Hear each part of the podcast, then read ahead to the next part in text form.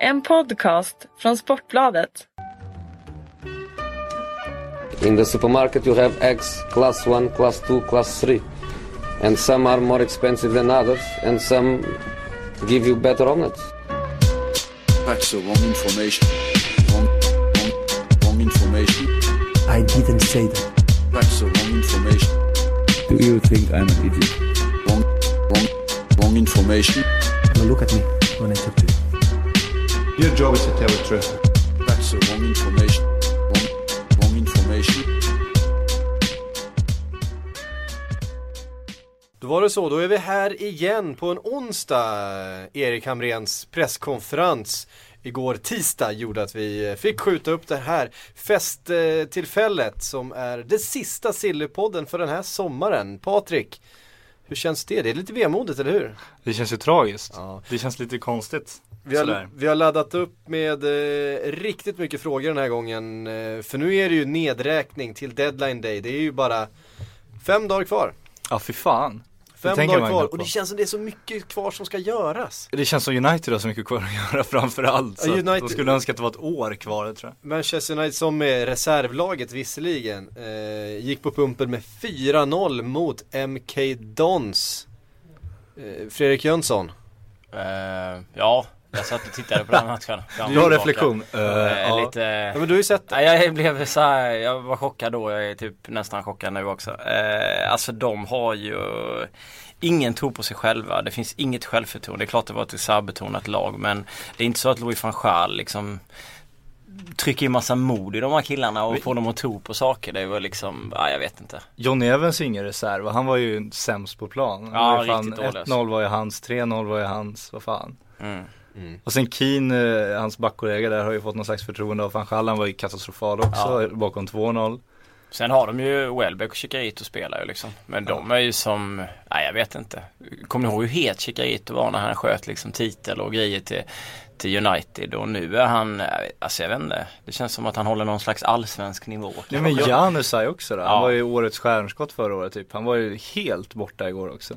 Totalblek. Men eh, van Gaal gick ut efteråt och sa att han vet vad han gör och eh, han var, verkade inte så sugen på att värva något mer så jag vet inte riktigt hur United-fansen tror det. Eh, United som har fått in eh, Angel Di Maria, det ska vi förstås prata jättemycket om. Ehm, det har kommit nya rykten förstås om United, det kommer det göra hela vägen in till klockan halv ett natten mot tisdag nästa vecka när vi någonstans får konstatera att nu kan det inte komma fler eh, värvningar. Så kommer det pratas om Manchester United, var så säkra på det. Eh, vi ska förstås också prata, eh, säga någonting om Balotelli som blev klar eh, strax efter att eh, vi spelade in förra veckan. Eh, Vi ska nämna Podolski, vi ska prata eh, om eh, Ben, nu ska jag försöka säga det Ja, som, nu kommer som den. vi har, Nu kommer den. nu har vi Håll fått i dig nu. ett riktigt uttal på, på Benatia som jag eh, kallat honom. Jag har Benatia, Ja. Benatia eller Benatia. Nej värre än så, herregud du är Mycket, inte ens nära. Mycket, mycket.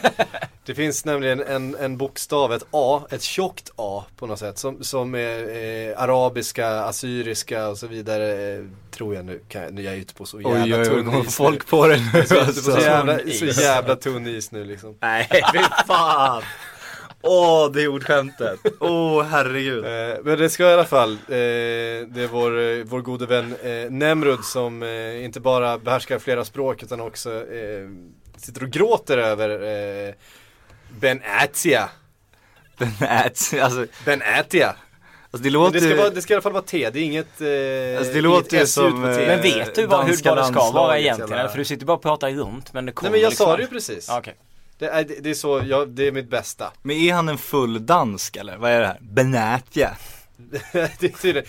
Även eh, Adel Tarabt Ja, eh, ska, ska uttalas precis på det där tjocka. Men det låter ju som danska. Full- Eller hur? Ja, Full danska, som att du skulle gå i. Köpenhamn och käka Ädel. en pölse och höra när han snackar bakom ryggen på. Adel Tarabt.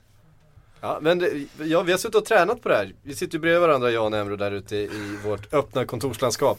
Så vi har suttit och tränat på de här eh, Ja, att han det kanske blåser dig. det är kan ju vara så att han blåser dig. Ja. Det kan du mycket väl. Fan vad ju- garvat det senaste veckan alltså. Jag är ju erkänt den mest lättlurade människan i världen. Det, det är sen gammalt. Men ska vi börja prata om Di Maria? Det är väl, eh, Di Maria. ah, det, det uttalet tror jag Okej, att, att du vi kan lösa. Angel Di Maria. ehm, en av sommarens eh, största värvningar förstås. Kom för nästan 60 miljoner pund. Var det 59,7? 686 eller 685 miljoner svenska kronor. Hutlöst mycket alltså. Ja, sinnessjukt mycket. Det, och det, det väcks ganska många frågor. Eh, Det ska det göra för de pengarna. ja, för de pengarna. Det känns som, eh, mycket av kritiken har ju varit att Uniteds stora brist är försvaret. Eh, Maria, Di Maria är ju en världsklasspelare men kan knappast eh, eh, Eh, hållas ansvarig för någonting som händer bakåt i Manchester United nu när han har värvat för alla pengar. Han är ju en, en offensiv spelare, en, eh, antingen en yttermittfältare eller en innermittfältare. Och då kommer man dessutom till frågan hur ska van ställa upp nu? Ja men jag kallar det lite, jag kallar det desperat på Twitter när de värvade han och då fick jag hela United-maffian på mig. Men då frågade jag dem också så här, men vart ska han spela då? Och det ledde till en lång diskussion där ingen egentligen hade något solklart svar. För det, alltså ska han spela med sin fembackslinje nu, han, han är ingen winback, han är ju då kan inte han och Herrera på defensivt mittfält, det blir alldeles för offensivt. Han kan, alltså ska de peta Mata känns konstigt, de har två anfallare som är gjutna. Där går han inte in, så att antingen så ska van Gaal eh, rotera häftigt trots att de inte har några Europamatcher, vilket känns fullständigt osannolikt. Eller så kämpar en han väl för att komma till en 4-3-3 uppställning. Men han sa ju också när Di Maria kom att han ska inte byta än utan han ska se hur Di Maria passar in och sen ska han bestämma om han ska byta till 4-3. För i så fall, jag har också befunnit mig i, i Twitter-diskussioner om det här och jag har ju hävdat att enda sättet att få in honom i det här systemet är att peta Matta. Antingen Peter Matta eller att liksom göra Di Maria ännu mer defensiv och sätta han på in i mittfältet. Men det känns konstigt. Eller flytta på Van Persie eller Rooney vilket också För som jag konstigt. ser det så är ju eh, Di Maria en bättre fotbollsspelare än Juan Mata i det avseendet att han, han, han erbjuder fler löpmeter på en match. Precis, Jo. precis det som United behöver centralt. Någon som springer, eh, någon som kanske vinner Men det- lite boll och transporterar boll på ett sätt som eh, Juan Mata inte gör. Men han kan utan- inte, han kan omöjligt ha tänkt så ändå för du betalar inte 600 miljoner för den lilla förbättringen det är Nej. att flytta på Mata och sätta in Di Maria, det gör man inte. Så det är, inte- det, det är ju inte så han tänkt, så kan det inte vara. Jag tror att han strävar efter att komma till en 4-3-3. Men Men är- jag är- tror inte han har så bra spelare så att han kan byta Är det här en van Gaal-värvning då eller är det en Ed Woodward-värvning? Alltså, som... jag förvånas ju över det här, både från Real Madrids sida och även från Uniteds sida. Vi har, alltså, jag snackar med Kalle Karlsson mycket och det har också varit så här Twitter-diskussioner om värvade Marta till exempel. Var skulle de ha in honom när han plockades in till United? Nu kommer Di Maria in och man undrar var ska de in honom?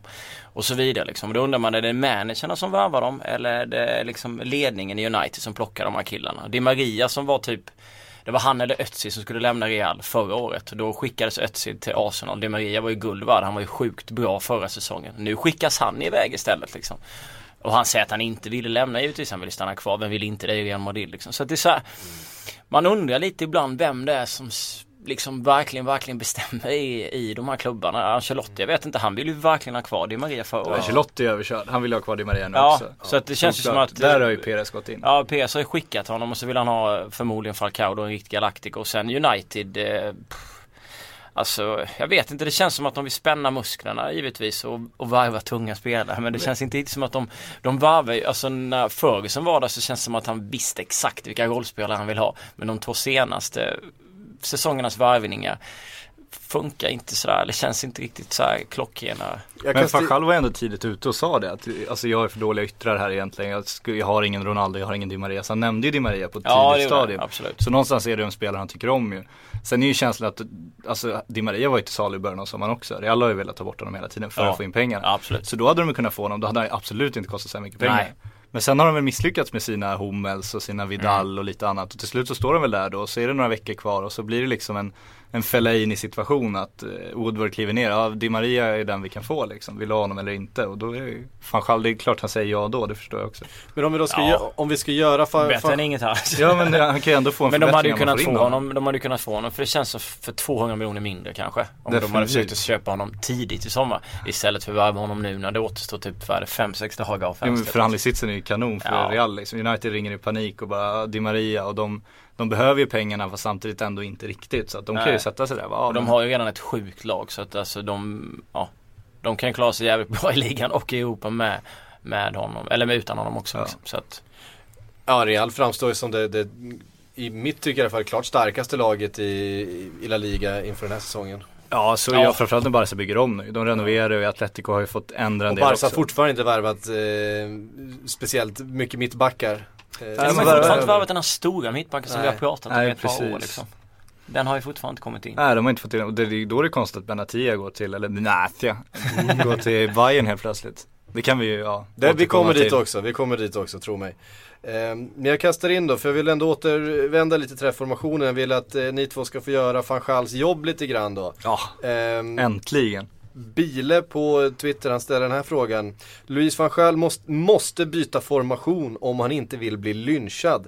Vilken formation blir mest optimal med Mata, Rooney, van Persie och Di Maria? Men det svåra tycker jag är defensivt, för nu får de in Marcus Rojo. Han är ingen mittback, mittback riktigt. Och van Gaal är tydlig med att han ska ju spela till vänster som en av tre mittbackar. Och man kan inte gärna sätta han på vänsterbacken, för då har vi ju Luke Shaw liksom och så att där blir det problem, så vi måste nästan behålla hans fembackslinje. Ja, annars så, eh, ja alltså, jag vet inte det, det är så jävla konstigt om man tittar på det här laget och försöker formera det på ett bra sätt liksom. Och sen är det ju som du sa att du har diskuterat, de varvade in Di Maria med massa folk på sociala medier och, och vi har diskuterat det här laget på sociala medier innan Di Maria kom in. Eh, så att Alltså jag vet inte eh, hur han liksom ska få ihop de, de här bitarna. Rojo är ju definitivt en sån grej som att då måste man spela på det sättet om man inte väljer honom. Liksom på en Ja, annan. men kan inte, kan inte Rojo gå in och ta en av två eh, försvarsplatser och som central, mitt, eller som, som central eh, försvarare? Det är inte, det är inte hans grej riktigt. Nej. Det är inte det han är värvad för, det är inte hans, riktigt hans pryl. Han har ju, han har ju spelat mittback Han har spelat mittback men framförallt som en av tre. Framförallt som en av tre.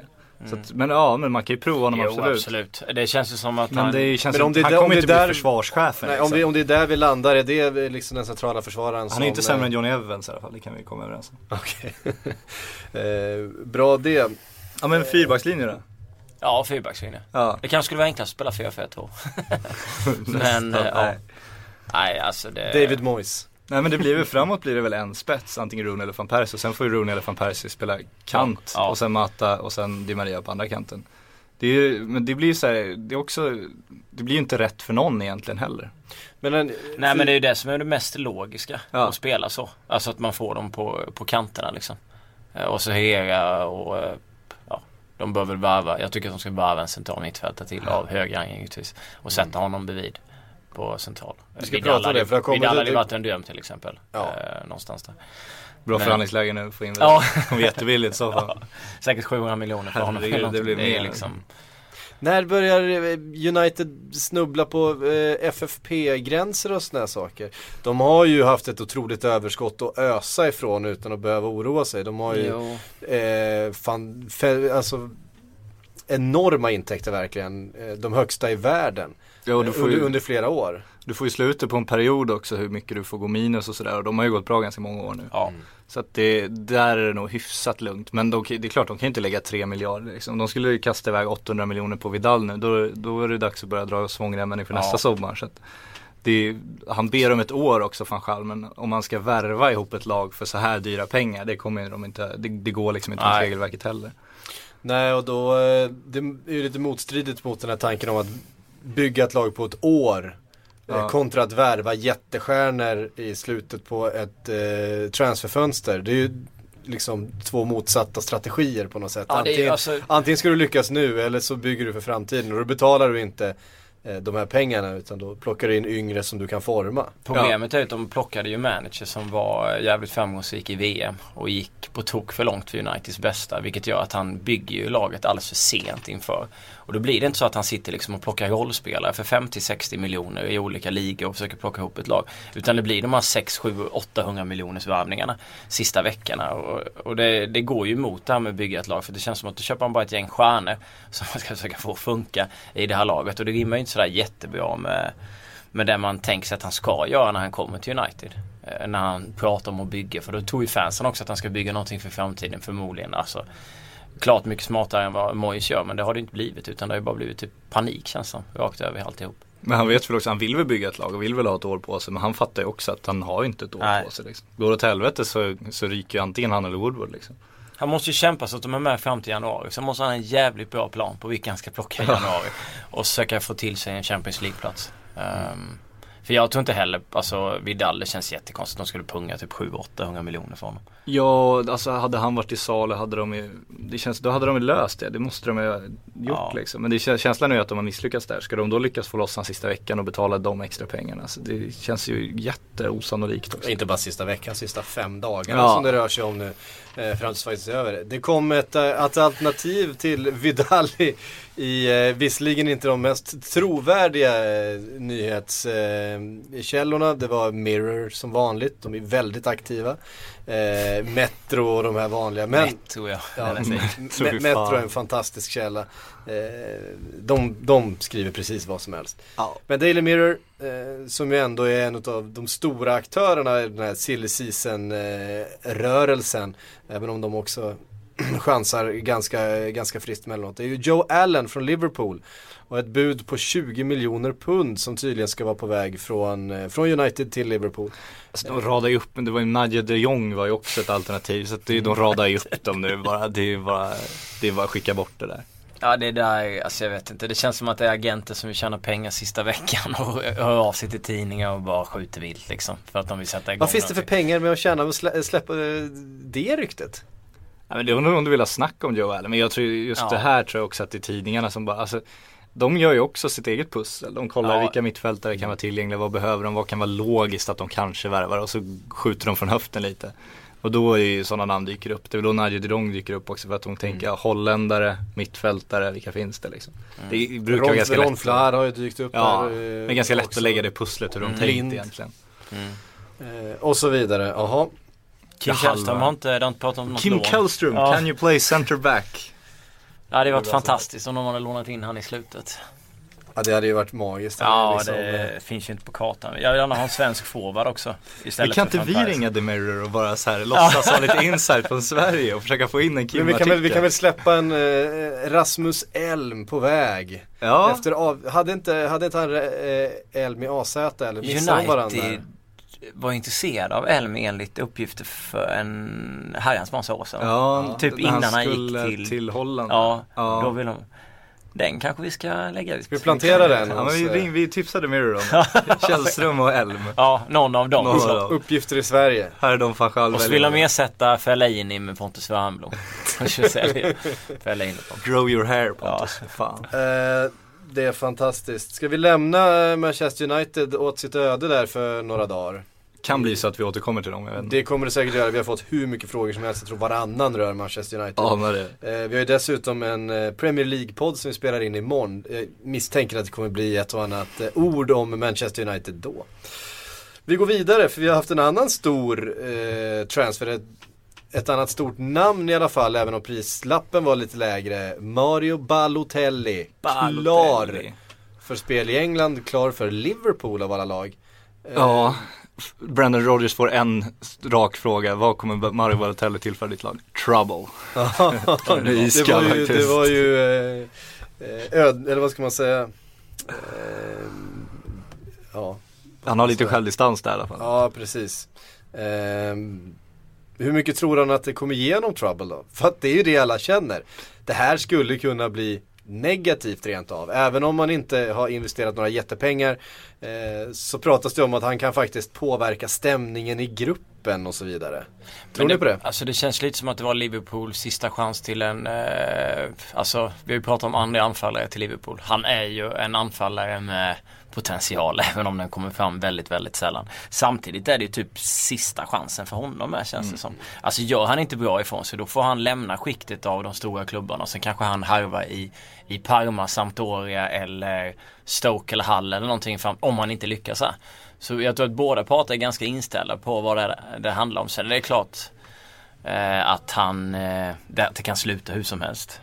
Men man gillar ändå, det är ändå någon slags, så här, som du säger, att han, han är så desperat också. Det såg man ju i förhandlingarna, för det var ju väldigt tydligt med att, alltså, de engelska tidningarna handlar ju inte så här, så övertalar Liverpool Mario Balotelli, utan det var ju så, så övertalade Mario Balotelli Ja, Liverpool ja, ja. om att satsa på dem. Och det är ju så här, det är klausuler de har fått in med, med liksom så här, ja, men stökgrejer och det, de har fått ner priset och Han så ska ju ha sänkt sin lön med 50%. Ja, om man sköter sig så höjs den ju, men absolut. Men det, det är de som varit Det i- känns ju inte som en Mino Raiola-förhandling. Nej och Liverpool har ju varit i förhandlingssätet, man märker det, det är de som bestämmer här och det tror jag gynnar dem som fan när han går in i laget också. Att det, det är ingen tvekan om vem som är störst här, liksom klubben eller spelaren. Och Jag tror också att Balotelli är rätt tacksam för att han får den här chansen nu. Så att det är ju det är ju en perfekt värvning på så sätt. Sen nu har man ju ingen aning om hur det kommer sluta såklart. Nej, det kan ju bli liksom, man kommer ju hur som helst, det bästa med han just när man är i den här branschen som vi är, att hur som helst hur det här går så skapar han ju mängder med rubriker. Även om, alltså lyckas eller misslyckas eller vad han än gör. Så det är fantastiskt att få tillbaka honom i Premier League på det sättet, att få se honom liksom igen. Och du har ju första bilden från träningen uppe. Ja, kände det? Eh, han håller på att ta på sig Ta på sig västen och få den över huvudet, en gammal klassisk grej. Men alltså det komiska med Balotelli och Han är ovän med, med Han träningsvästen. Balotelli och Di Maria är ju att eh, Balotelli kollar ju på Liverpool första matchen. Då får de spö mot City och sen sitter Di Maria och förmodligen kollar på första United-matchen och försöker mot MK, MK Dons liksom. Så det är inte de absolut mest roliga matcherna de får se de här två killarna. Nej men fan alltså man skulle ju vilja sitta bredvid Balotelli såg man i vissa reaktioner men sitta bredvid Di Maria igår när han precis signat sitt kontrakt, sätter sig framför tvn. Förhoppningsvis ha lite sällskap från Uniteds ledning fortfarande för att ska vi, ska vi inte ta en kaffe och sätta oss och kolla på matchen tillsammans. Ja. Och sen bara liksom se vad som händer. Och tanken hos United då, bara fan vad skönt att vi signar här innan matchen nu så att vi inte hade kvar det här imorgon. Ja. Ehm, hur tror ni Sturridge resonerar då? Han är ju den stora anfalls-esset. Det har ju pratats under sommaren om att eh, Eh, Rodgers har pratat om att han kommer lyfta nu när Suarez eh, är borta. Nu är det liksom ansvaret vilar på honom. Det kommer passa honom och det kommer lyfta honom till ytterligare en nivå när han får bli den stora verkligen härföraren för Liverpools eh, anfall. Nu blir ju ändå ljuset på Balotelli och vad, man än, vad han än gör nästan. Det, han har ju den, den statusen Balotelli. Eh, hur tror ni han resonerar? Alltså det har väl alltid varit snack om det förr. Att Sturridge eh, ända sedan han var typ ung alltid velat vara den där jättestjärnan liksom. Och för första gången så, förutom när Suarez var avstängd, så fick han ju vara liksom anfallsesset. Eh, nu blir det annorlunda. Å andra sidan så gör han väl, han gjorde 22 mål i fjol va? Och Suarez gjorde 31 i, alltså jag tror inte att han, eh, jag tror ändå att han kommer fixa det liksom. För att eh, samtidigt är han ju, alltså det finns så mycket annat negativt runt Balotelli, även om ljuset är på honom. Alltså eh, så är han ju ny liksom. Han har ju inte den kärleken bland fansen och klubben som typ Suarez hade när han kom tillbaka på det sättet för att han hade levererat tidigare, även om han också var ett problembarn. Eh, så jag tror ändå att han kommer anpassa sig ganska bra till det. Eh, jag tror inte att det kommer bli några större problem. Det är en bra fotbollsspelare. Jag har jävligt svårt att se att han skulle typ tjura ur och Men jag tycker inte Sturridge är den där stora stjärnan. Jag tycker man såg det mot, mot City. Alltså, förra året när Suarez var på plan. Det var, alltså, oavsett hur liksom, defensiva Liverpool tvingades ligga eller hur liksom hur defensiva de försökte ligga i alla fall. De var aldrig defensiva ändå. Men, men det fanns alltid någon slags oro kring motståndarlag. Man märkte att de var tvungna att vara på tå för de, man visste att Suarez var där föran bollen kan vad som helst hända. Jag tycker mot City så märkte man på något sätt, alltså, i alla fall andra halvlek, att de blev ganska bekväma. Det var liksom inte så mycket hot kvar och det var liksom de saknar verkligen den där som, som tillförde det där att de måste liksom vara lite vaksamma hela tiden. Oavsett hur dålig Balotelli är i en match så är det ju precis det alla är liksom. Du har ju alltid två man som har koll på honom för att du vet att han kan göra mål från halva plan om det skulle vara så liksom. Det tror jag kommer vara guld värt framförallt för Sturridge också. Han kommer ju få mer, alltså han kommer ju säkert få mindre liksom mindre eh, uppbackning som Sjögren är inne på. Men sen är det väl om det påverkar hans Alltså mentalt att han inte är den stora stjärnan, alltså att han inte är den största stjärnan bland anfallarna för att även om han gör mest mål så blir han ju ändå inte det för att Men jag tror inte att det kommer göra det eh, I och med att han har ändå spelat med Suarez och vi har ju sett hur han har varit på planen liksom Han har aldrig varit en stor stjärna. Alltså han har ju aldrig fått Nej. ha den rollen. Det är inte så att han ger upp något. nu, Och det är, liksom. bara, det är bara de här matcherna han har varit och de matcherna han har varit avstängd. I Chelsea var han ju inte heller där liksom. Eh, Han var ju knappt påtänkt där liksom. Men det var ju eh, Så att, nej. Jag tror inte det. Nej. Han har ju en bra klubblista för att aldrig varit den stora stjärnan faktiskt. Det får Ja. man ge grabben. Absolut. Eh, Du behöver inte vara orolig Psyk. Slappna av. Eh, nej men jag, det slog mig också att eh, man lyckas med en annan sak här. Möjligtvis så blir det här sommaren då Balotelli kom snarare än Suarez lämnade. Ja, det, Tror jag, det tror jag också. Det beror ju på vad Balotelli gör Ja. under den här säsongen. Men man, man öppnar i alla fall för, för nästan oavsett hur det hade gått under säsongen så kommer det alltid första frågan som dyker upp hos en eh, reporter, en skribent. Ja, hur klarar sig Liverpool utan Suarez? Hur klarar de sig i den här matchen? Och det har varit så under de första, första matcherna. här. Vi ser att Suarez saknas här. Hur löser de det på ena eller andra hållet? nu kommer första frågan var, vad har Balotelli ställt till med? Ja, ja så är det absolut. Ja det finns väl en mental poäng i det kanske. Om man vill Liverpool väldigt, väldigt Mm. väl. Ja absolut. Eh, Det var Men han bara- var ju billig, det, var ju det, det är ju det allt handlar om här tycker jag någonstans. Det är ju det är typ den, den billigaste världsspelaren som finns. Ja.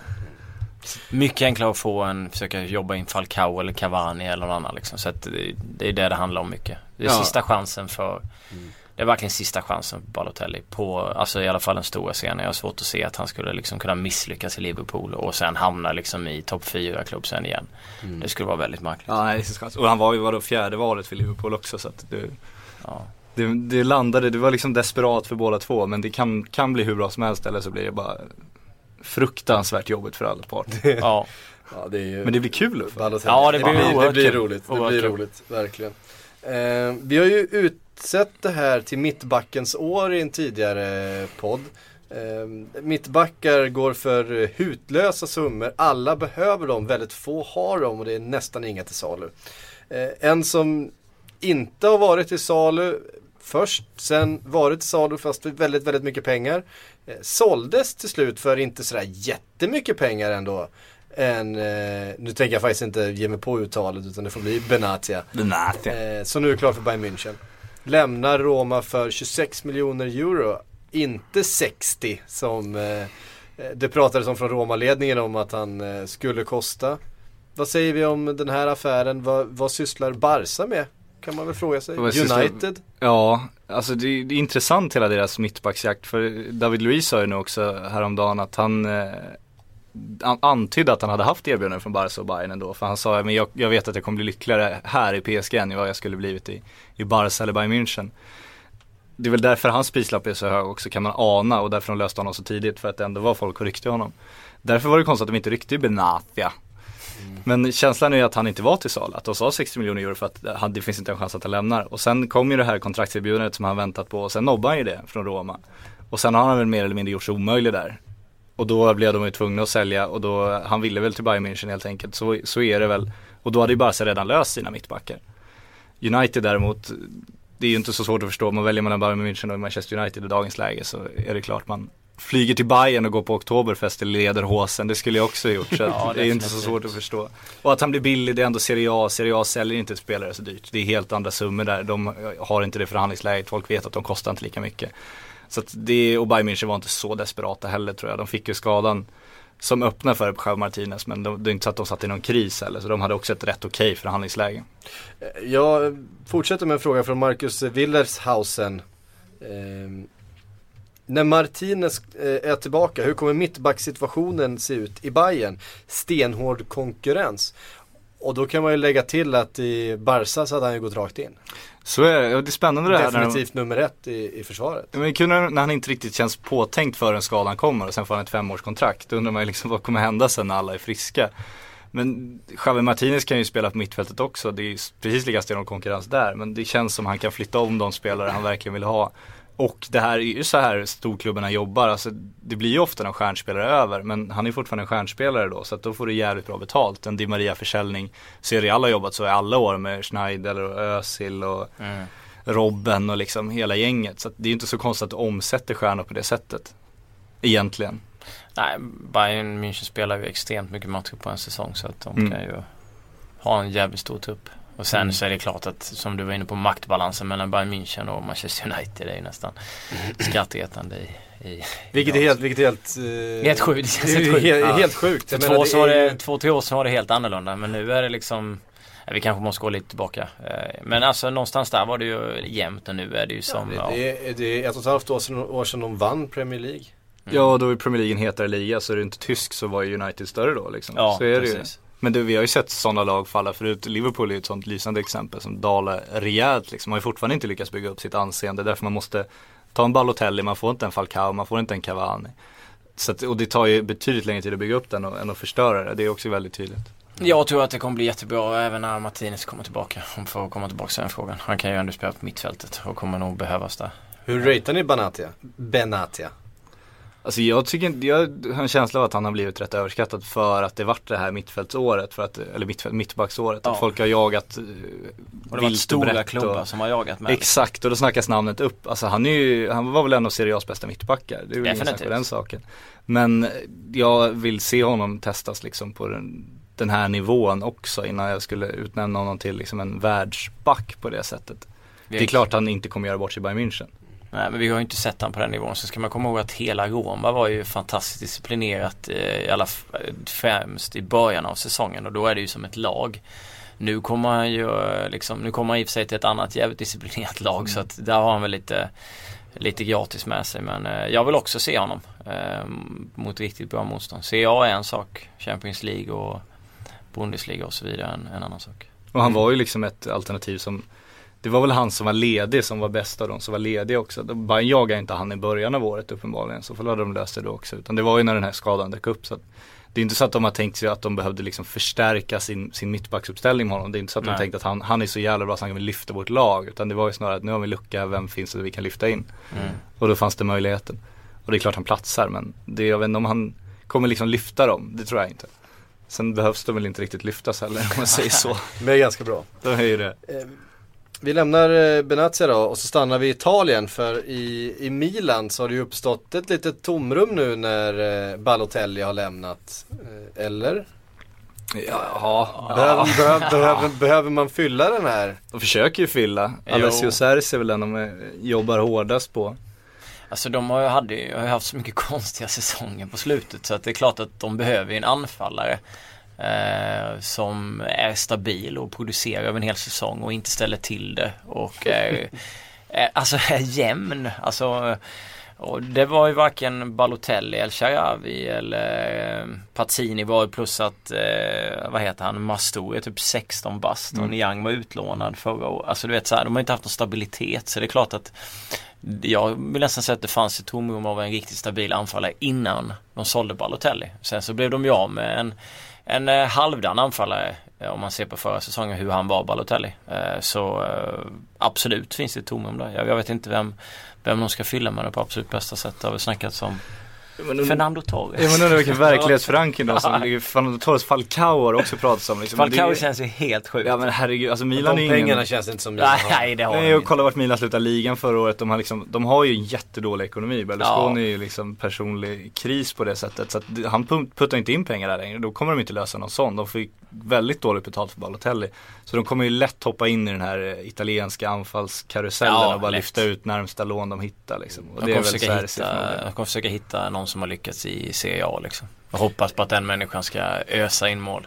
Intressant rykte är ju faktiskt Borini från Liverpool. Liverpools fjärde val skulle ner och Ja, liksom ta är- ja. platsen när man har skick, skickat iväg Balotelli liksom. Det, Kostar inte han typ 14 miljoner pund eller något sånt där också? jo säkert. När han skulle gå till Sunderland i alla Ja, fall. precis, och det är, det är det är lika mycket som Balotelli. Det är ju liksom en Nej, men det är en katastrof här, skulle jag vilja säga. Ja, det, ja men det kommer de inte göra heller. Nej. Det är också sådana rykten som dyker upp, det märker man ju. Så att, nej, det tror jag inte en sekund på. Det har ju pratats om i stort sett varenda jävla anfallare som är, kan finnas eventuellt tillgänglig någonstans i världen. Alla utom John Guidetti har placerats i Milan. Ja, han har aldrig pla- placerats. Han har placerats i rätt många andra italienska klubbar annars genom åren. Ja. Om vi ska gå in på. Men Milan är Ja, under... vi tänkte vi skulle ta en liten titt på, på svenska. Lucatoni tycker jag är ett bättre alternativ. Är bra alternativ. Vi ska ta en liten svensk koll sen också för jag vet att du har, oj nu drar eh, Fredriks dator igång. Ja, det har inte lyckats alls. Eh, släck ner porren. Eh, Igen. Ja, det är för mycket sånt. Nej men jag vet att du satt och ringde lite grann häromdagen. Eh, Kan stämma, drog, ja. drog en liten svensk koll så du ska få redogöra lite för vad du kom fram till eh, i dina efterforskningar. Men vi stannar vid anfallsspåret för vi, var- vi nämnde Falcao. Eh, och då måste vi samtidigt nämna Giroud. Som skadat sig och ser ut att bli borta resten av året. Det är i alla Ja. fall ryktats om det, att han eh, ska vara tillbaka efter nyår. Därför gick väl Wenger ut och sa att Podolski stannar kvar. stannar i eh, Arsenal och då inte flyttar till Wolfsburg som det var tänkt. Han skulle Oj, bli då ett alltså, radarpar med Niklas Bentner. Från vilket nummer han hade tagit när han kom på oss. Han har tagit ettan, det hade varit kaxigt.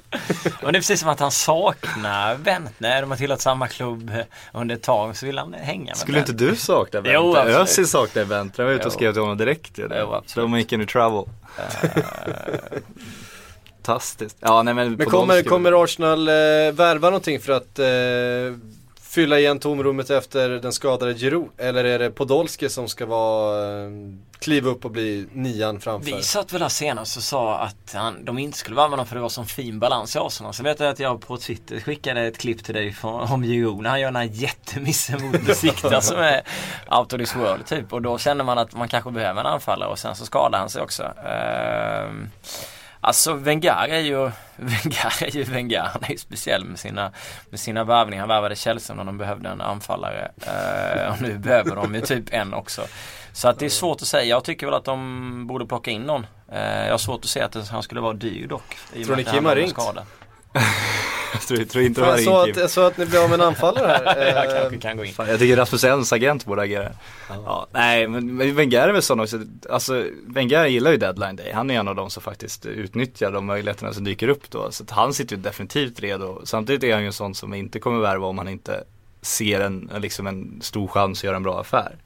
Så hittar de en anfallare som han tycker är relativt billig, då, kommer han, då är jag övertygad om att han tar in day. Det tror jag också. Men jag är långt ifrån övertygad om att de kommer hitta honom. Det tror jag inte däremot. För det har ju förstås pratats om Falcao då och det var ju det här samma eh, förutsättningar som det har pratats om hela tiden. Det här lånet som då ska kosta 20 miljoner pund i, i hyra.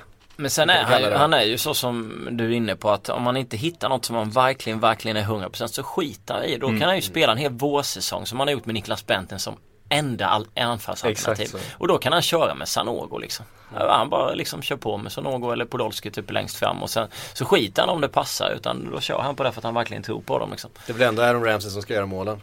Ja precis. Eller Özil eller, eller vem det blir liksom. Så att alltså eh, Då dör folk bara, så det är en dålig gest mot mänskligheten eller? Vad? Eller vem tänker jag på? Ja, ja men det är Ramsey va, som gjorde de där målen och så var det massa Så folk dör som... folk dagen Ja efter. herregud, det var, ja, det var vidrigt. Kommer inte du ihåg det? Ja, Alltså, det, det, det, Ja men det var liksom det varje gång, varje gång han gjorde mål, som det var en eller två dagar efter så dog alltid någon sån här stor känd eh, person. Ja just det. Mm. Ja, det jag, Eh, det, jag vet inte, var det Whitney Houston. Någon gång? Det Och, var Gaddafi tror jag till och med. ja, det, alltså det var så här vidigt eh, sammanhang. Så Vet du när han det- gjorde mål senast? Ja, han gjorde mål förra matchen? Ja, ja det kanske var förra, men eh, ja. Ja, det gjorde han. Vet du vem som dog efter? Nej. Robin Williams. Var vi- Ja just det, Williams Dagen det. efter. Det fortsätter alltså. Mm. Tyvärr kan vi inte skämta om det här. Nej, det går liksom nej. inte för att det är så tragiskt. Men det Nej. är läskigt. Det Ja är, det är sjukt, läskigt alltså. alltså. Vi borde Jag ju- tycker och för att det är rätt oläskigt eftersom det bara är tillfälligheter. Nej, nej, nej, nej, alltså, herregud. Det här är ett nej, mönster. Ja, det här är ett äckligt mönster. Fan, det här är ju vetenskapligt. Nej men alltså det vore jättekul om de plockade in en, eh, en forward till. Det spetsar väl till lite. Men Eh, Falcao-gången är ju dunder Ja. för Real, är det inte det? Ja, alltså, de har ju absolut. en forwardsplats de måste fylla. De har ju bara en anfallare. Cavani kommer inte lämna PSG. Som, han har ju ryktats lite överallt. Ja. Och eh, Falcao kommer ju gå till Real Madrid om han går någonstans. Ja, och Eh, de var, ju så, de var ju verkligen desperata efter försäljning. Nu har de lite cash att röra sig med igen. Så Ja, det känns som det är på anfallsspåret har jag, jag vet inte. Det kan bli vem som helst. Han skulle kunna plocka in en 17-årig tysk eller en liksom Ja, det var något geni på Twitter som frågade hur Bentners återköpsklausul ser ut. Tyvärr gick jag gratis så det går väl inte riktigt så. Det vore ju fantastiskt om han plockade tillbaks honom. Panikvärvning. Svindyr då. Det hade varit underbart om det bara fanns en återköpsklausul. Ja, herregud. Det hade ju varit sån magi. ja, vi får väl se vad som händer då, men det kanske kan röra på sig i Arsenal eh, runt deadline day. Alltså man ska ju vara eh, vaken på deadline day. Wenger gillar deadline day, det gör han ju verkligen. Wenger gillar en bra affär, bra affärer kan man göra på deadline day. Och sen jag och mina eh, unga svenska spelare är lite sugen också på att se om Kristoffer Olsson stannar kvar eller om han går därifrån. Mm. Ja, men det blir någon dassig jävla utlåning sen i Men höst. det, han bara. behöver väl det också? Ja liksom. herregud, men det kommer ju bli någon jävla MK Dons lag liksom. Ja, Som man får lira med några månader, slå United någon gång sådär. Eller tror han drar till Holland eller vad tror du? Nej men alltså jag vet att de har försökt att få eh, honom att hamna utanför eh, liksom eh, utanför engelska gränserna. Typ Holland liksom. Ja. Men att det inte riktigt har, har blivit så. Det har inte bitit. Nej, eh, han, är ju, han är ju bra i deras ungdomslag liksom, men han, är, han, han platsar ju inte i, han kanske inte håller med men eh, han platsar inte i, på Arsenals mittfält som det ser ut just nu. Då måste han ju verkligen hitta toppformen och gå in och styra på det. Det är ganska svårt. Ja det är väldigt svårt där. Man kan inte kräva det av en kille om man inte är en väldigt exceptionell talang. Typ Fabregas 16-17 år och kliver in där. Så att han måste ju typ lånas ut och vi ser ju att många spelare som har fått sin utbildning i eh, England, eh, svenska, hamnar ju i Holland. Dino Islamovic var i Malmö, var i Fulham, Holland. Eh, Tankovic, Tankovic, likadant. ja. Eh, Kristoffer Pettersson, Guidetti. Utrecht. Ja, Guidetti tidigare. Pettersson kommer ju skriva på för det är ju liksom så här nära. Så att det är ett bra steg. Ja, det- Eh, Och det är många som går från Allsvenskan till till Holland också så det är väl ett jättebra steg att få känna på. Vissa klubbar tycker i och för sig inte det skiljer sådär jättemycket. Jag tror att Malmö slår Heerenveen för att ta ett exempel. Eh, Jag vet inte om Göteborg skulle gjort det med eller utan Sam Larsson men alltså steget är inte ex- jättestort men det är ändå ett det är ändå bra att gå utomlands för att få känna på en annorlunda miljö. Framförallt så är det väl kontinuerligt seniorspel som Ja. är det viktiga liksom. Att man får Ja, det är väl Ja, ja, skillnad där ju också. Ja. utrymme att utvecklas. Sam var ju ett dåligt exempel för han har ju seniorfotboll i Sverige men de andra killarna har ju inte haft det liksom. Så att så sätt så är det ju steget är ju större tycker jag också från ett ungdomslag till exempel Liverpool till holländska ligan än från allsvenska till holländska ligan. Ja, det allsvenskan har ändå seniorfotboll, du är liksom Ja. etablerad. Ungdoms, alltså Nej, de här det var ungdomslagen, därför de är ju inte så Sam, heta. Nej, Sam var egentligen ett dåligt exempel. Så jag håller med dig. Där, det är ett bra steg för, för dem liksom. Så att, eh, men jag vet inte. Eh, Senast jag hörde så har de försökt att få honom dit men att inte Jag tycker det är märkligt att inte fler gör, tar en utlåning tillbaka till Sverige. Men så var det gjorde med Guidetti när han kom tillbaka till Brommapojkarna. Eh, och verkligen fick chansen och fick eh, dominera i ett seniorlag. Jo men det har ju pratats om att IFK Norrköping vill låna Kristoffer Olsson. Jag vet inte om han är sådär ibersugen på det. Eh, däremot så hade han ju säkert tagit om någon av de större klubbarna hade av sig. Typ AIK eller Malmö. Alltså Ja, den, typen men då ska de vara ruggigt desperata för de vet att de tjänar ingenting på sån inlåning. De kommer inte göra några pengar på det. Så då det är det bättre att satsa på en egen. Ja och ser man hur AIK har skött sig med sina försäljningar så de gör ju det jävligt bra. Köper in och säljer dyrt och sådär. Så jag har också svårt att de ska låna in en kille som de inte kommer tjäna en krona på om han lyckas. Därför är jag så jävla emot ungdomsspelare som skriver långa kontrakt med stora klubbar de aldrig kommer få spela och så ska de lånas ut för att de får ingen utveckling för det är ingen som satsar på dem helhjärtat liksom. Bättre att byta klubb, gör det rakt av. Mm. Jag tror Guidetti hade haft en bättre sits idag om han, alltså om vi bortser från hälsoproblemen om han liksom hade gått, tagit en övergång till Feyenoord istället. Mm. Ehm, Svenskkoll var det ja, vi halkade in på den här. Ja vi var med på, vi var på Arsenal och Ja, ja, vi- vi var- vi var- Hamnade på John Guidetti till slut. Ja. Ja man kan hamna överallt. Ja men så är det. Ska vi eh, fortsätta på svenskspåret då? För jag vet att du har... Eh, Jönsson har ju förkärlek till svenska spelare Ja, under men det är 20 väl- år. Det är Ja, nästan obehagligt. Ja därför ska jag börja med två killar som är över 20 år. Oj. Eh, nej men jag älskar ju Akan Sengin, det gör vi väl alla. Ja, Eh, han har ju riktats vara på väg till Galatasaray men har själv sagt att eh, att de inte vill sälja honom. Han spelar ju Eskis eh, Sispjor. Ja. Jag uttalade det när jag pratade med honom men det gick inte lika bra. Men, eh, och han gillar ju det som fan. Han har lovat typ målsuccé och allt möjligt. Sen läste jag i någon turkisk eh, tidning att de har lagt bud på honom men att budet har varit lite för lite. Det har varit runt typ 30 miljoner och Eski vill kanske ha typ 90-100 någonstans liksom. Mm. Och Galatasaray är ju inte så sugen på att betala det. Han har ju, vad han har? Han har typ 3-4 år, tre år kvar på sitt kontrakt. Han skrev ju kontrakt i fjol precis innan han hörde det här ryktet om Galatasaray och då blev det ju typ omöjligt. Jag vet att det snackades om att de eventuellt skulle värva honom. Sen Jakob Johansson, IFK Göteborg, en kille som har ett halvår kvar på kontraktet. Eh, borde ju komma utomlands, tycker jag. En jävligt klok spelare, har varit i Göteborg länge, mycket allsvenska matcher på kontot. Eh, är ju inte en svensk landslagsspelare, absolut inte men Eh, jävligt bra men jag tror, som jag fattade så är det lite svårt att få ut en sån spelare också. Det är en mittfältare liksom. Eh, det är lättare att få ut en forward som öser in mål och, och så vidare liksom. Och har inte Celso Borges lämnat Allsvenskan så kan det vara svårt för Jakob kanske att göra det också liksom. Men där finns det intresse från typ Italien, han har varit nära att gå till, vi hade ju någon sån här ryska Teres Grosny var intresserad av honom men det sa han nej till liksom. Sen har det funnits lite koppling till franska ligan. Gro- Grosny känns som ett tråkigt ställe att flytta till. Ja, eh, definitivt. Tjetjenien. Eh, Älskling, proffskontraktet är klart. Ja, Vart ska vi? Ja, fan. så det har inte varit sådär. Så det har funnits intresse från Frankrike men det blev ingenting och nu är väl huvudspåret Italien tror jag. Eh, och sen, eh, ja. Det finns ju många andra. Kristoffer uh, Pettersson pratade vi om. Det kommer förmodligen hamna Utrecht Holland. En kille som verkligen sitter på bänken och är utfryst Holland är Tobias Sana. Ajax finns mm, också intresse för, för honom. Men som jag fattade så vill han inte flytta på sig. För att eh, de måste kunna matcha lön och annat i andra klubbar och han tjänar ju bra i Ajax. Vilket också stäm, får mig att komma in på en annan kantspringare. Eh, Alexander Kasaniklic tjänar också väldigt bra i Fulham. Finns intresse för honom men han, eh, jag vet inte, som jag fattade så vill han inte riktigt gå ner i lön. Ehm, Och så kan det mycket man, väl vara. Det kan man ju förstå. Men man kan ju tänka lite mer långsiktigt där kanske också. Ja, absolut. Han får inte spela i Fulham. Eh, och man, när man Han har läser... väl i stort sett knappt eh, spelat en, en minut tävlingsfotboll sen eh, Men alltså väl anledningen, till, anledningen till att han inte spelar i Fulham det är ju för att han letar efter en ny klubb. Om han... När Jo men, när men Maga petade ju honom när han kom in eh, förra vintern. Han spelade ju väldigt lite. Ja, han i- spelar i- lite men jag tror att när fönstret Både- stänger. Både Kacaniklic och Muammar Tankovic. Eh, han Men då åkte vill ju han ju ganska också- långt ner i, i hackordningen när, när eh, Maga tog över. Men då var ganska tydlig med att han ville ha enkla poäng och han tyckte inte Kacaniklic var som spelare. Nu är de i en helt annan sits Ja. liksom. Så att nu ska de ändå bygga ett spel. Så när fönstret stängs och, eh, han, är, och han är kvar då liksom så kommer han få spela. Det är tror det, jag också. det är det jag har fattat det som liksom. Men eh, alltså Gudetti är också en kille som, han hade ju ett helt fantastiskt eh, Fantastiskt kontrakt i City, tjänar ju mycket pengar Ja, som ja, helst. Och jag kan tänka mig det är jättesvårt och det gäller väl alla de här killarna. Och det Men fattar du- man ju själv om man är på ett jobb och tjänar asbra med pengar så ska man gå någon annanstans. Sen kan man ju sitta här och typ och tycka att vad fan kom igen nu skit i det här kontraktet och börja spela fotboll istället för att det är bra för dig själv och det är bra för svensk fotboll. Men det är jävligt lätt för mig att sitta här och säga till Kasaniklic, Sana Gudetti och vilka fan som bara finns där ute som gör samma sak liksom. Eh, Så att jag tror att det är ekonomiska bitar liksom som gör det lite svårare. Men de får ju välja liksom. Gudetti, Feyenoord tycker det är en för stor chansning att ta in honom, absolut. Men då får ju John välja liksom. Ska jag sitta här och tjäna pengar eller ska jag förhandla med City, bryta kontraktet och dra till Feyenoord gratis? Det är ju bara Ja. att välja liksom. Så Ja. vi kan ju kritisera hans val, men han får välja. Uppenbarligen är Ja. det väl pengarna just nu. Ja, och det kan man ju fatta. Så eh, Sana spelar ju i en toppklubb i Ajax, eh, eller i Holland. Det är klart att han tjänar bra med pengar där liksom.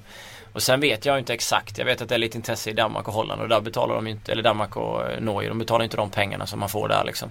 Kasaniklic Fulham, jag vet inte riktigt var intresset är som störst. Men han tjänar ju också bra i Fulham. Eh, och sen har man ju läst det här lite till och från på lite engelska sajter och sånt så man ska väl inte ta allting med, med 100% sanning. Man kan ju ta lite med en nypa salt också liksom. Så att, eh, eh, sen... Eh, Vet ja, vi något mer, en annan som är intressant, vet vi något mer om Carlos Strandberg? Och Dortmund, det är helt, det är helt, Tvärrött över, förbi. det är helt över. Ja. Ja. Han misslyckades ju med läkarundersökningen. Så de har ju dragit sig ur fullständigt. Och det var två läkare. Ja, och de hittar väl olika fel enligt Carlos. Men, eller en hittar inget fel, den andra hittar fel. Men det är lite oklart vad det handlar om. De vill ju hålla det väldigt hemligt. ju. Det kan man ju förstå också. För det kan ju skada hans eh, marknadsvärde om det kommer ut att han skulle ha något problem. Ja. Men han kan ju uppenbarligen spela fotboll. Så att, och jag tror att han ska tacka sin lyckliga stjärna för att det inte blev något om jag ska vara helt ärlig. För att det är klart, att, alltså, han kommer ju utvecklas mer av att spela A-lagsfotboll i Sverige än att sitta och spela reservlagsfotboll i Tyskland. Ja, definitivt. Sen kan jag tänka mig en annan svensk som bör lär flytta på sig. Är ju eh, eh, Köpenhamns Pierre Bengtsson. Vänsterbackarna. Han har, hans kontrakt går ut efter den här säsongen. De har värvat Ludvig Augustinsson. Eh, och han lär ju vara sugen på dra liksom. Han har ju spelat där länge. Det är därför han inte förlängt ju. Ja precis. Så att han kommer ju flytta. Sen om han flyttar nu eller han flyttar sen. Jag menar Köpenhamn det är ingen klubb typ eh, med svenska mått mätt som skriker efter stora pengar. Så att jag tror inte, de behöver inte sälja honom om inte de känner för det. För att det finns pengar där liksom. Eh, men han lär väl också flytta på sig. Men det är väl, ja. Det är väl det som liksom är hetast just Det har nu. pratats om att eh, Wernbloom och Elm inte är sådär Ja, de vill ju- jättelyckliga i Ryssland. Men de, de vill ju säkert flytta men det är ju så här svårjobbade spelare. Ja, man läser ingenting om dem även om man ringer och jobbar på det så är det oerhört svårt att få fram. Så att jag vet inte, i och med att det inte har kommit någonting överhuvudtaget så. Ja, Elm är omöjligt nu med hälsoproblemen. Han kommer ju inte flytta. Det, han får, kan ju inte spela fotboll just när han var inne på sjukhus nyss. Ja, han, han, det här transfönstret är kört för honom. Wernbloom har ju varit tydlig med att han och hans fru inte Alltså de skulle vilja prova någonting nytt som han säger. De trivs inte jättebra i Moskva kanske. Utom hans Uber-taxitjänst som han gillar att hylla på sociala medier. Det är väl det han gör, och sitta uppe på nätterna och kolla NHL. Nej men han vill ju flytta. Men som du säger, alltså en sån slitvarg är ju svårplacerad. Det är inte den klubbarna liksom betalar stora pengar för och vi vet att ryska klubbar har noll intresse av att sälja för så här 15-20 miljoner. Ja. Det, är ju, det är ju kaffepengar för dem. Så att om han ska flytta på sig får han nog spela ut sitt kontrakt eller verkligen gå upp till klubbledningen och säga att "Jag- är ledsen grabbar men jag, det här går inte längre. Liksom. Då tror jag de skulle kunna släppa honom också. ja eventuellt. Men han spelar ju på en position som inte kanske är den absolut sexigast. Jag var inne på Jakob Johansson, de är inte samma speltyper men eh, det är ju liksom Och hur Vi får- mycket ska han gå ner i lön om man ska flytta? Ja, liksom? precis. Att det är liksom Mm. Det är Ni, svårt. Nina får nog hålla ut ett år till tror jag. Ja, det får hon göra.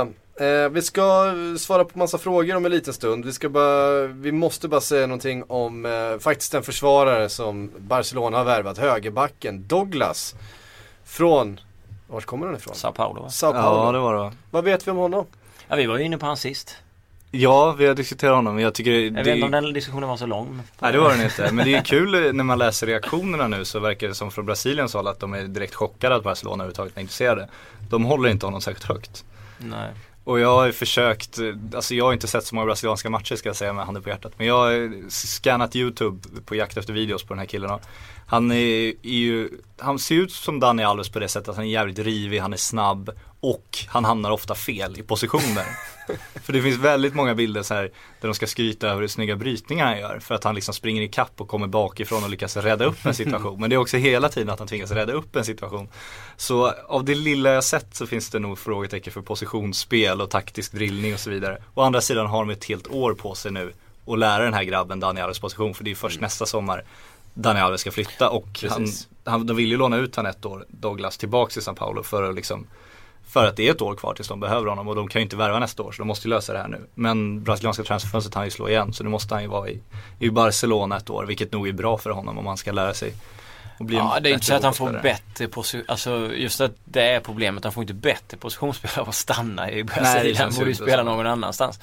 Och sen när, säger beskriver honom, om man tänker på Dani Alves, om man tänker på Brasilien, om man tänker på Barcelona, så är det väl inte så här jätteförvånande att han är just den spelaren Ja, det är som exakt han är. samma form ja, det är ju liksom så att eh, Och det är väl också brasilianska backar generellt. Det Ja. är ju just positionsspel och sånt. Kolla David Luiz liksom. Hur mycket var inte han ute och flaxa första Ja. åren. Så att det är det man brukar behöva drilla. Samtidigt så har ju de kvaliteter som ingen europeisk back har. För att de har ju teknik som en, liksom, en anfallare. De har ju typ målsinne. De har liksom grejer som, mm. som våra drillade taktiska svenska mittbackar bara kan drömma om. Så att, och ytterbackar i det här fallet. det var helt fantastiskt på den tiden när Cafu och Roberto Carlos var ju Ja, i landslaget. Alltså det var ju som att man bara satt och Cafus lungor var ju helt enorma. Ja lika stora som Roberto Carlos vader. Ja, helt det säger inte lite. Han hade specialstrumpor går ryktet om. Det- Jag älskar det ryktet. Det är nog mitt favoritrykte. Ja, De andra sprack på hans vader. Ja, det är underbart. Eh, vi tar lite frågor tycker jag. Så här, den sista Sillypodden för sommaren.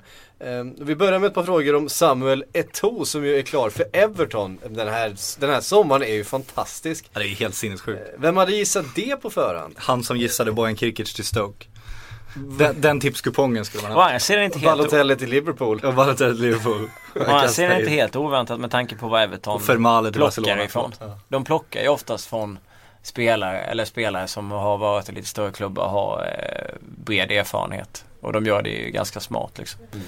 Men eh, ja, jag älskar ju den. Lukaku och Eto'o Ja, alltså, det, det- den är mäktig. Det är lite bara- så Adebayor-värvning. Ja. Alltså, får de han att vara lite motiverad ett år kan det bli bra som helst. Ja, han bara absolut. chilla så blir det inte så bra. Men. Jag, jag måste ställa frågan då från, från Samuel Karlsson. Vad tror ni om Everton i år? Nu när de gjort klart med Eto'o. De kan nog komma för United. Vad det nu betyder, det vet vi De inte. har ingen kvar alltså. ja, de har ingen kvar. eh, det var det något skämt på, jag måste bara dra det på Twitter igår. BBC Sport heter den ju. Är inte Mm. BBC, ja det är ett skämt. Om att van hade uttalat sig igår om att det här är bra för nu kan vi fokusera på att inte åka ur Premier säsongen. Efter att de åkte ur ligan. Nej men alltså Everton har ju, det var ju jättetråkigt med, med Ross Barkley givetvis. Eh, fantastisk fotbollsspelare. Med han så eh, hade givetvis gått bättre. Men jag tror ändå att de kan göra en eh, jävligt bra säsong. Jag har svårt att se att de dock tar Hur sig till är, serie. hur är skadesituationen på Barkley nu? Hur länge är han borta? X antal månader, det är ju en långtidsskada. Så han är väl borta till vintern i alla fall. Ja men den är flummig, är den inte? Först Ja, var det jo, så här det är det. sex Den är veckor till fem otydlig. månader. Ja. så det var liksom så här, okej vad ska vi gå på? Men det är ju lång tid är det ju. Räkna bort Eh, honom bara, det är väl det man får göra Ja, liksom. men det är ju som sagt oerhört svårt att slå sig in och fixa en CL-biljett för, för Everton. Men eh, ja, en topp 6, 7. Men de har ju fått bolla lag ändå liksom. Så Ja, de har ju byggt. Och Jag förstärkt. också- Ja, så det här, den här breda topp, de här breda topplagen, det är väl där de ska tillhöra Mm. liksom. Det har ju utvecklats det där topp 4, nu är det väl typ topp 2 och sen sex till under liksom. Så. Ja, Um, Emin Hasic frågar också om Eto'o. Eh, som tydligen har valt nummer fem i Everton. Har Bentner startat en trend att sno backars tröjnummer undrar eh, Emil. Bentner är en trend. Han behöver inte starta några trender. Ja, den är mäktig faktiskt. Men man får gilla ändå att de tar 1 till 11. Det har jag försökt, eh, alltså starta när man ska ha 1 till 11 tycker jag. Så kommer man till en klubb och bara femman är ledig mellan 1 och 11 då ska man fan plocka den även fast man anfaller. Hellre det än 22 liksom. Ehm, Med åldern får man ta det som finns. Har han sagt det Tor? Ja det känns tveksamt. Nästa år kanske jag får mitt nummer. Nej men alltså jag, gill, jag gillar det här med udda nummer. Så länge det inte är typ så här 99 och 1000 och sånt. Det är, det är löjligt liksom. Men eh, de här numren gillar jag ändå. Men det här är ju bättre än Balotellis 45 liksom. Ja, det här ja, är ju ja, bättre absolut. alla gånger i veckan. 45an och Balotelli. Nej den är ju hysteriskt usel. Det är som när Beckham fick 23 i Real liksom. Vad Ja. fan är det för jävla skit? men 45 det är 4 plus 5 ju. Jo men herregud, då får han göra en Samorano och krita dit det där jävla plusset också. Annars får det fan vara alltså. Ja, Eh, precis. Fredrik Fransén eh, skriver så här. Kommer Newcastle göra något mer på marknaden? En första forward, en mittback. Det snackas om Celtics, Virgil van Dijk. Eh, Newcastle Fredrik, det är ditt lag. ja, jag är inte ensam om det. Eh, men-. Nej men alltså Celtic-killen där har det ju varit snack om definitivt. Men Pardy har sagt att han inte vill ha honom. Eh, läste jag någonstans. Eh, vilket gjorde agenten jävligt förbannad och menade på att han kunde spela i en större klubb. För jag tror att Celtic hade erbjudit, eller alltså krävt ganska mycket med Newcastle mått mätt. Det är där ingen klubb som hostar upp så mycket pengar även om de betalade jävligt mycket för Remy Cabella. Alltså det var ju typ 12 miljoner pund. Det är ju typ 6-7 mer än vad de brukar betala. De brukar Men då hade de ju lyckats sälja också. Ja, de har ju sålt sen Andy Carroll. Så. Ja, så, så eh, de har ju fortfarande inte värvat en forward för sen en riktig forward sen Andy Carroll måste jag säga. För de pengarna. Eh, så att jag tror inte han kommer komma eh, för att det blir för dyrt liksom. Och agenten säger att han kan spela i en större klubb. Men det är klart att de behöver spelare. De behöver definitivt en mittback. Jag förstår inte hur Mike Williamson fortfarande kan spela i Premier League. Jag kanske får skit för det men alltså jag, jag tycker inte han Men hade man håller, liksom. Shola Amiobi i 14 år så kan Ja. man fan ha Mike Williamson kvar också. Eh, Men Shola är ju Shola är ju Shola. Han, han kan man ju bara älska. Och sen eh, Papi Cissé är ju, eh, han är ju bra eh, från straffområdespunkten och fram. Resten på plan så han kan ju knappt slå en vettig passning eller skarva bollen vidare eller någonting vettigt liksom. Så det är klart att jag skulle gärna se en, en bättre anfallare på den positionen. Sen om de gör någonting eller inte, det är liksom Alltså de är ju så mystiska så att det, Alltså Pardy har ju suttit tusen gånger och sagt att den här spelaren går ingenstans och sen bam så är han borta dagen efter liksom. Så att Mike Ashley ett bra förslag. Ja. Det är väl inga problem. att, alltså jag vet inte, Mike Ashley och Pardy dricker whisky och spelar, går på kasino och sen kan det vad som helst hända. Men- Bästa världen de kan göra är ju fan bli vänner med Ben Arfa igen känns det som. Ja, Ben Arfa spelade ju eh, i, mot någon reservlagsmatch, 90 minuter här. Försökte väl gå ner några kilon efter. Jag skulle precis säga det, det bästa Ben Arfa kan göra är väl bli kompis med fitnesscoachen. Ja, och jag tror Mm, att han ser, han ser lite mer light ut nu än vad han gjorde tidigare. Och han, han har ju liksom, han är sjukt populär också. Fansen är ju liksom på plats och, och hyllar honom var han än är. Så att jag, jag tror att eh, det ska- Fans gillar ju honom mer än, än själva klubben och klubbledningen och tränaren. Ja absolut, de liksom. älskar ju honom så att Nej, det finns ju inte många upp liksom från truppen och uppåt som är speciellt populära hos Newcastle-fansen. Nej, nej. Nej, så tittar man på mittfältet så är det ju ändå Colback, Anita, eh, Cabella och CM de Jong och han och ett par snubbar till. Jag tycker ändå ser ganska, TOT har också, ser ändå bra ut. Men sen gäller det att det är någon som gör mål längst fram och det har de ju haft problem med. Sen Andy Carroll. Eller sen Alan Shearer tänkte jag säga. Eller Andy Cole kanske. Nej men alltså det är Det var ju ingen, det var ingen bländande tillställning mot Aston Villa i eh, helgen. Nej men jag brukar alltid vara positiv och tycka att det finns intentioner och tendenser. Men eh, nej det är klart att de behöver en anfallare men alltså titta på, eh, titta på marknaden och tänk att eh, Ash, alltså Mike Ashley inte vill öppna plånboken. Vilken anfallare plockar du in då liksom? Loic Remy. Ja, kanske. Men det QPR vi vill ha ganska mycket från. Ja, det känns så tror jag. Ja, så är det. Så att, Ja, eh, vi går vidare. Nu fick vi John Guidetti kanske. På lån. John Guidetti på lån. Samuel Karlsson igen. Han fick med flera frågor här. Eh, era tankar om vart United hamnar? Klarar de topp 4 utan ett inköp av en stark mittback? Nej. Nej. Alltså, om, de, räcker om de inte får igång en så här hysterisk offensiv succé med de här, för de har ändå svinbra spelare offensivt. Ja. Lyckas de liksom Gör en Få- typ som Liverpool förra Ja men året. exakt, få igång dem hysteriskt så att de liksom kan, 4-3 liksom. kan försvara genom att anfalla. Då Ja. kan det gå Ja, hyfsat. lite spelar ingen roll om eh, Evans eh, är lika dålig och orsakar lika många mål som Skrärtil gjorde självmål förra året. Så Nej, att de har offensivt så att de vinner mot, alltså, mot, mot de sämre lagen ändå. Absolut, då skulle det kunna gå men annars så eh, inte en chans. Men jag har svårt att se att Louis van Gaal skulle börja köra den liksom. Ja, det han försöker göra känns det som det är att han ska ha 14 spelare i eget straffområde och sen skicka upp bollen till dem där uppe och säga lycka till liksom. Och är Mm. de tillräckligt bra så kan det ju funka. Tyvärr så hjälper det ju inte även fast han har en fembackslinje just nu för att han inte har några backar i den fembackslinjen. Nej. Och som sagt, vi har varit inne på att det här är, det här är mittbackens år. Vi har fått ett par frågor om Arsenal som ju inte bara ser sig om efter forwards nu när Giroud är skadad. Eh, Marcus Ottosson skriver Arsenal har bara två renodlade mittbackar och behöver minst en till. Vem tror ni går att lösa? Och Isak Jensen fyller på eh, och konstaterar att Manolas är ju tagen. Vem ska Arsenal köpa? Det kändes som han satt och eh, väntade ut Manolas där och försökte förhandla ner priset från Olympiakos. Men då behövde ju Roma helt plötsligt mittback och gick in och pyntade den istället. Så Ja. det var ju lite, jag vet inte om man ska kalla det slarvigt, jag vet inte om han är värd de pengarna i Wengers ögon liksom. Men eh, absolut. Vad var hamnade prislappen på? Herregud. Ja, inte den direkt inte. i huvudet. Men det var inte jättebilligt, det kan vi ju konstatera. Var det över 100?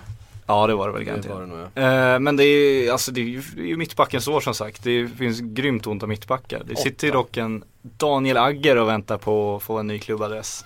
Det är ju 8 frågan miljoner vart, pund. 8 miljoner pund. Ja. Ja, runt 100. Ja, Daniel Lager tycker jag är intressant ändå för han har sagt det, han vet inte, det är lite upp till klubben vad som händer. Han är inte säker på att han kommer stanna när transferfönstret slår igen. Han är ju en rutinerad mittback, prövad, som ändå finns tillgänglig om man skulle betala rätt pris. Nu tror jag inte att eh, Arsenal kommer betala det pris Liverpool vill ha eftersom Liverpool kommer kräva den där extra pengen för att det är en, en, ett rivaliserande lag. Men, men det är en spelare man ändå kan ha ögonen på tror jag. Mm. Eh, Då kastar vi in en fråga från Simon Andersson på temat. Eh, Hur kommer det sig att man inte hört så mycket om Diego Godin? Eh, Riktigt bra förra säsongen och relativt ung. Ja, vad är han, 28-29? Älskar hans huvudspel alltså.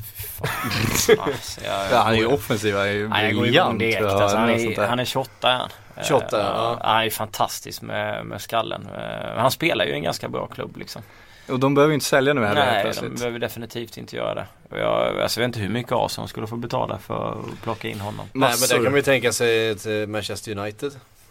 Jag tycker att Arsenal ska vara smarta och plocka Fabrizio Colocini från Newcastle. Jag tror inte de ska behöva betala sådär jättemycket för honom. Han börjar bli ganska gammal men han är jävligt bra. Ja, ingen dum namn. Han är bra. Vad hände med det där att han ville flytta hem till Argentina? Som Nej men han ville det, det var om? jättekonstigt och det Och var helt så plötsligt, helt plötsligt så, så tröttnade han på den idén eller? Ja, sen så skulle han... Han tog en krogrunda med Erik Niva i Newcastle när Erik visade de där fina, roliga kvarteren som han påstås finns i den jävla industristaden. Så att Mm. jag vet fortfarande inte vart de Eller så är. kom man på att det är ganska problematiskt i Argentina. Kommer jag någonsin få någon lön där om jag flyttar hem och så stannar han i England? Ja. Det har ju varit jävligt jobbigt Eller så var det där en kontraktsförhandling som pågick och en agent som var ute Kan det ha och, och, och Så kan det också ha varit. hävdade att nu sticker han. Men Diego Godin, alltså Atletico är ju ändå, de lyckades behålla Kåka, han tackade nej till Barcelona. Så de har ju visat att de vill vara med och ska han då, alltså det, det är klart det kan ju vara lika attraktivt att vara kvar där som att gå till United då. Ja, och sen alltså just den, ja, det måste vara fantastiskt att spela i Atletico Madrid med tanke på hur de genomför varje fotbollsmatch. Ja. De är ju liksom helt fantastiska som lag så att jag skulle ha oerhört svårt att lämna. De vann ändå ligan liksom i fjol med de motståndarna de har där liksom så att Och förstärkt jävligt bra. Ja. jämför. Alltså de har ändå lyckats fylla de luckor som uppstått Ja. på ett sjukt imponerande sätt. Ja, om man jämför med ett annat lag som på något sätt har köpt sönder, de största stjärnorna har försvunnit. Så har ju eh, Atletico Madrid, om man jämför med Southampton i England då. mm. eh, Så är ju Atletico Madrid nästan starkare idag inför den här säsongen än vad de var inför förra. Trots att man har tappat Diego Costa. Diego Costa är väl, det är väl ändå försvarligen till Mandzukic kan jag tycka. Har ja, inte samma målgaranti riktigt. Nej. Men absolut, de är alltså med Med Mandzukic, Griezmann. Mm. Griezmann är ju briljant, det är ju Ja. sjukt bra gjort. Men det problemet de haft tycker jag, alltså förra året var ju Diego Simone inne på det också, att de, är, de har ju en för smal trupp för att liksom egentligen utmana tyckte ju han. Så lyckas vinna ligan ändå. Nu har de ju tvingats eh, jobba hela sommaren med att liksom få in de där stora namnen och ersätta dem som de sålt. Så att de har väl inte riktigt breddat sin trupp så mycket heller om man kollar kvalitetsmässigt. Det är väl det som är Och lite de såg jobbigt. ganska slitna ut på slutet. Det kan man säga, Diego Costa kan nog vittna om det om inte annat. Ja, alltså det var det vi snackade om förra året, kommer jag ihåg, eh, inför de här avgörande matcherna. Att det inte skulle hålla för att de går runt på Mm. liksom så få spelare. Det, alltså, det känns som det är 13-14 man liksom. Medan Real kan gå runt på typ 22-23. Och sådär liksom. Eh, och eh, alltså Costa sprang väl bara rakt in till mittlinjen. Så stod han där en kvart och sen så byttes han ut. ut byttes han ut för att han var slut. Så att, eh, absolut. Eh, det vore ju intressant om de kunde få in ett par gubbar, inte alls för dit, som skulle kunna bredda på en ganska hyfsad nivå. Men jag tror att det kan bli ganska svårt för dem. Fem dagar ja. Ja, Ja. och, och få det Det är liksom. nog. Ja, i en perfekt värld. Och har ju inte det där ekonomiska överflödet som konkurrenterna har heller. Nu har man Nej, tjänat lite riktigt. pengar under sommaren men, men eh, Och ett underskott som är helt jävla sinnessjukt. Ja. Mm. Nej, de kan ju inte slösa några pengar.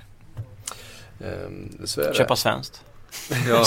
Svensk. Det, ty- det tycker jag inte, det känns som en dålig idé. Ja. Så som marknadsläget ser ut. Ja, alltså. ja, herregud. Eh, här är en fråga som jag framförallt skickar till dig Patrik. Eh, Marcus Hertz skriver läsarfråga, Eh, läsare med stora bokstäver. Oj, Antagligen för att, jag, för att jag brukar säga fel tror jag. Jaha. Eh, om Bentner fick slå 10 straffar på Willy Caballero, hur många hade gått i mål? Det skulle egentligen KK varit här, eh, för då hade ni kunnat eh, debattera med varandra. Alltså Wolfsburg, en av de första grejerna deras tränare sa om Mentor är att han är väldigt lugn i straffområdet. Så att det är 10, 10 rakt in.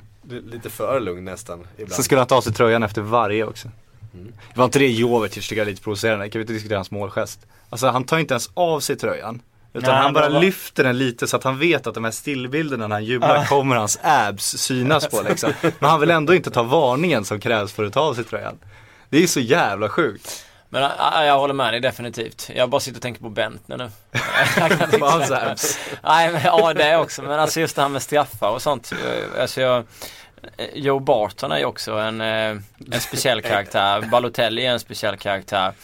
Eh, båda kan vara sköna att ha när det gäller att, ta en straff i ett, i, ett, i ett jävligt svårt läge. Bentner är ju definitivt en sån kille som med självförtroende går fram och Ja, lägger upp bollen. herregud. Och smackar på mot vem som helst. Det spelar ingen roll liksom. Och det är det man bara älskar med den typen av fotbollsspelare. Ehm, De nej, vet att de kommer göra mål även fast Ja. alla andra är helt säkra på att de aldrig kommer kunna göra det. Nej liksom. precis, och så är de iskalla liksom. Och så bara rullar de in den. Ehm, Fattas något litet där.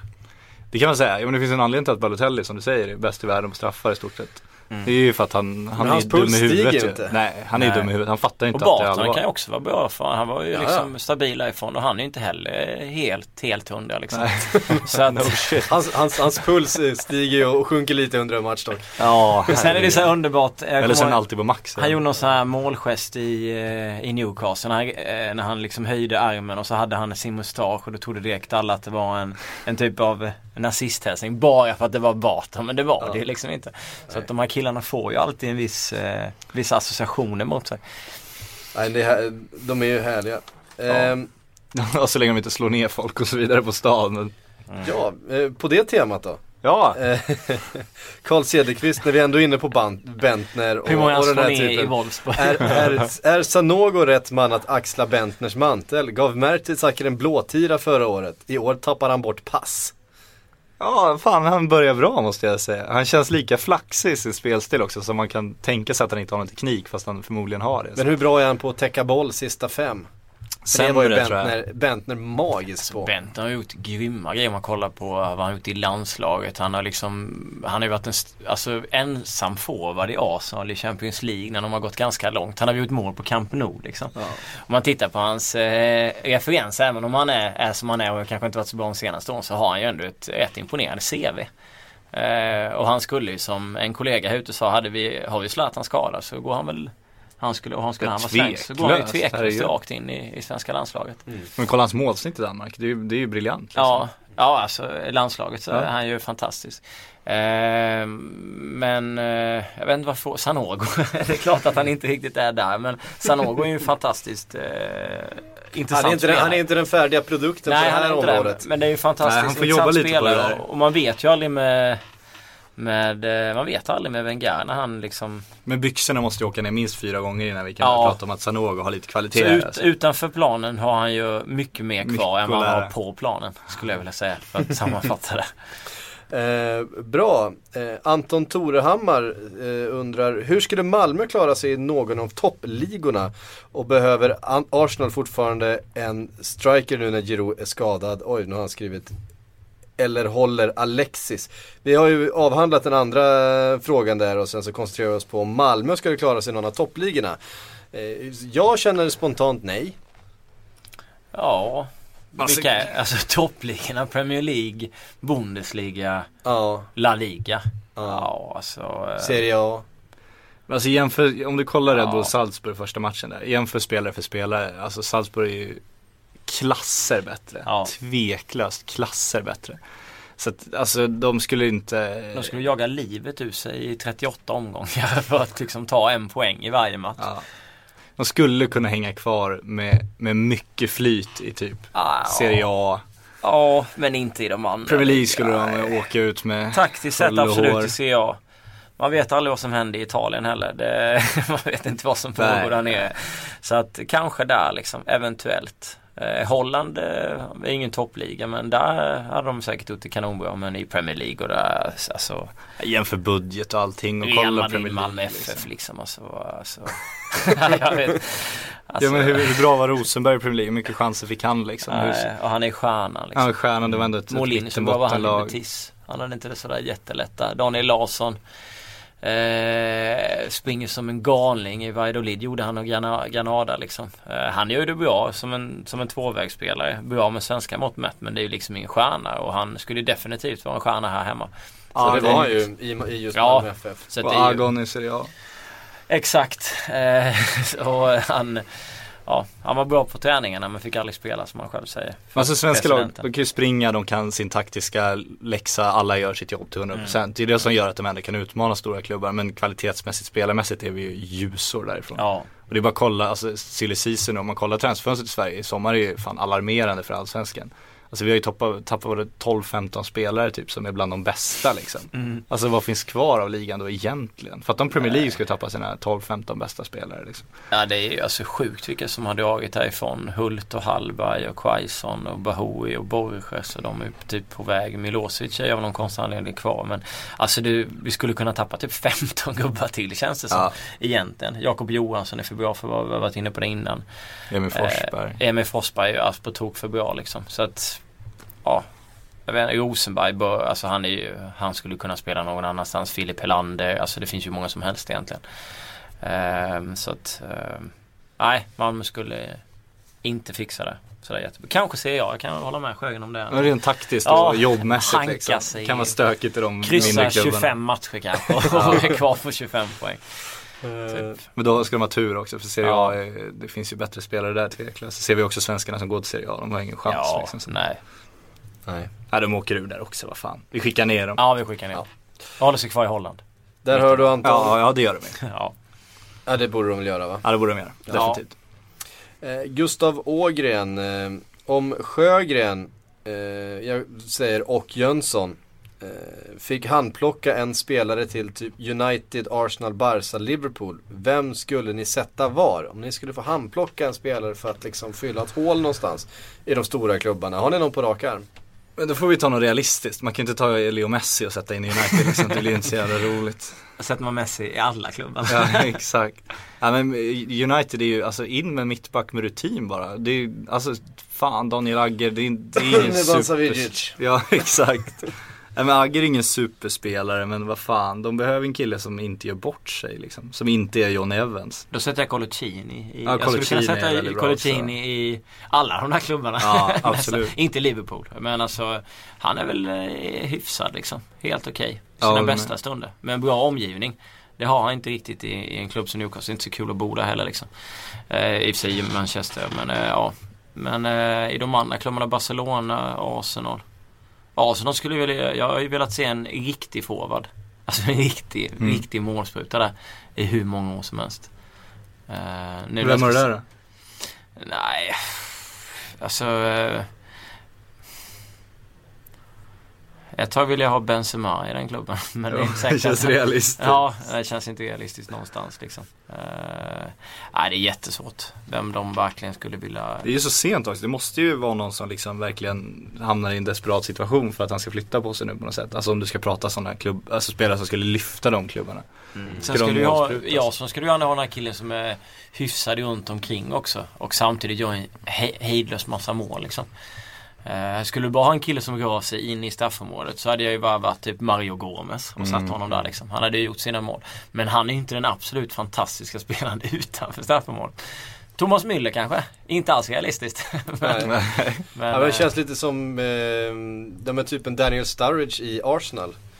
Eh, som, kan, som kan länka upp utanför men också gör sina mål. Det är ju inte heller realistiskt förstås. Nej. Men, Nej. eh, men, Ja. ehm, Men ja, man kan ju det- börja snegla på Monacos lag tycker jag. Det känns som de börjar bli sönderköpta. Så där kan man nog hitta lite. Och Campos och annat kan nog vara spännande.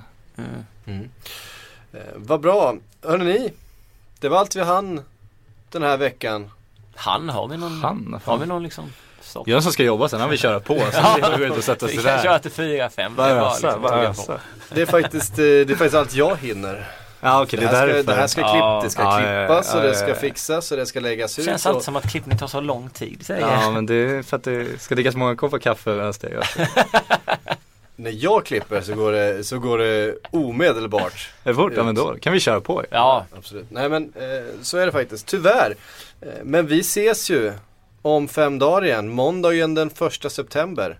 Ska vi lägga ut planen på det här eller? Göra lite reklam för det? ja, det borde vi Det är göra. klart vi ska. 12 Kör. timmar. 12 Ja. till 12. 12 till 12. Givetvis vill vi att bara folk bara tuggar och bara sätter igång trenden liksom. Och Ja. bara skicka in frågor på, på sociala medier liksom. Twitter då givetvis. Skicka in allt ni har. Ja, vad, kör, vi- vad kör vi för hashtag? Vi måste upp in en hashtag. Skicka en hashtag också. Ja, Sportbadet Silly 2014. Kan Nej för långt. nej, det är för långt. Kom på, kom på, kom på en rikt- hashtag. Kom på en Kort. riktigt bra eh, hashtag. Kort, vi- något med sillen, gärna något med Sportbladet också. Ja. Sillybladet 2014. jag var körde vi förra året. så. Gjorde vi det? Ja jag tror det. Jag minns faktiskt inte vad det var. Men skicka in förslag på Sillybladet då så får vi se om vi använder den om det inte kommer någon bättre. Ja. Nej, men Ja, de har ju fram fan. till måndag till vi... Nej, i och för sig måndag kanske är sent. Nej men... Kör på, kör på. Skicka Ja, frågor, skicka. skicka. skicka förslag på Det hashtag. finns ju gott om eh, kreativ kraft där ute eh, hos er som lyssnar och tittar. Det vet vi. Det såg vi ju i, i vinterfönstret när ni Ah, snickrade ihop alla fantastiska eh, montage och memes kring eh, Ja. allt möjligt. Eh, Sen skulle vi kunna försöka få fram några svar på några vettiga frågor fram till dess också om de har några att ställa till oss. Ja, Ja, kör gärna Absolut. frågor också.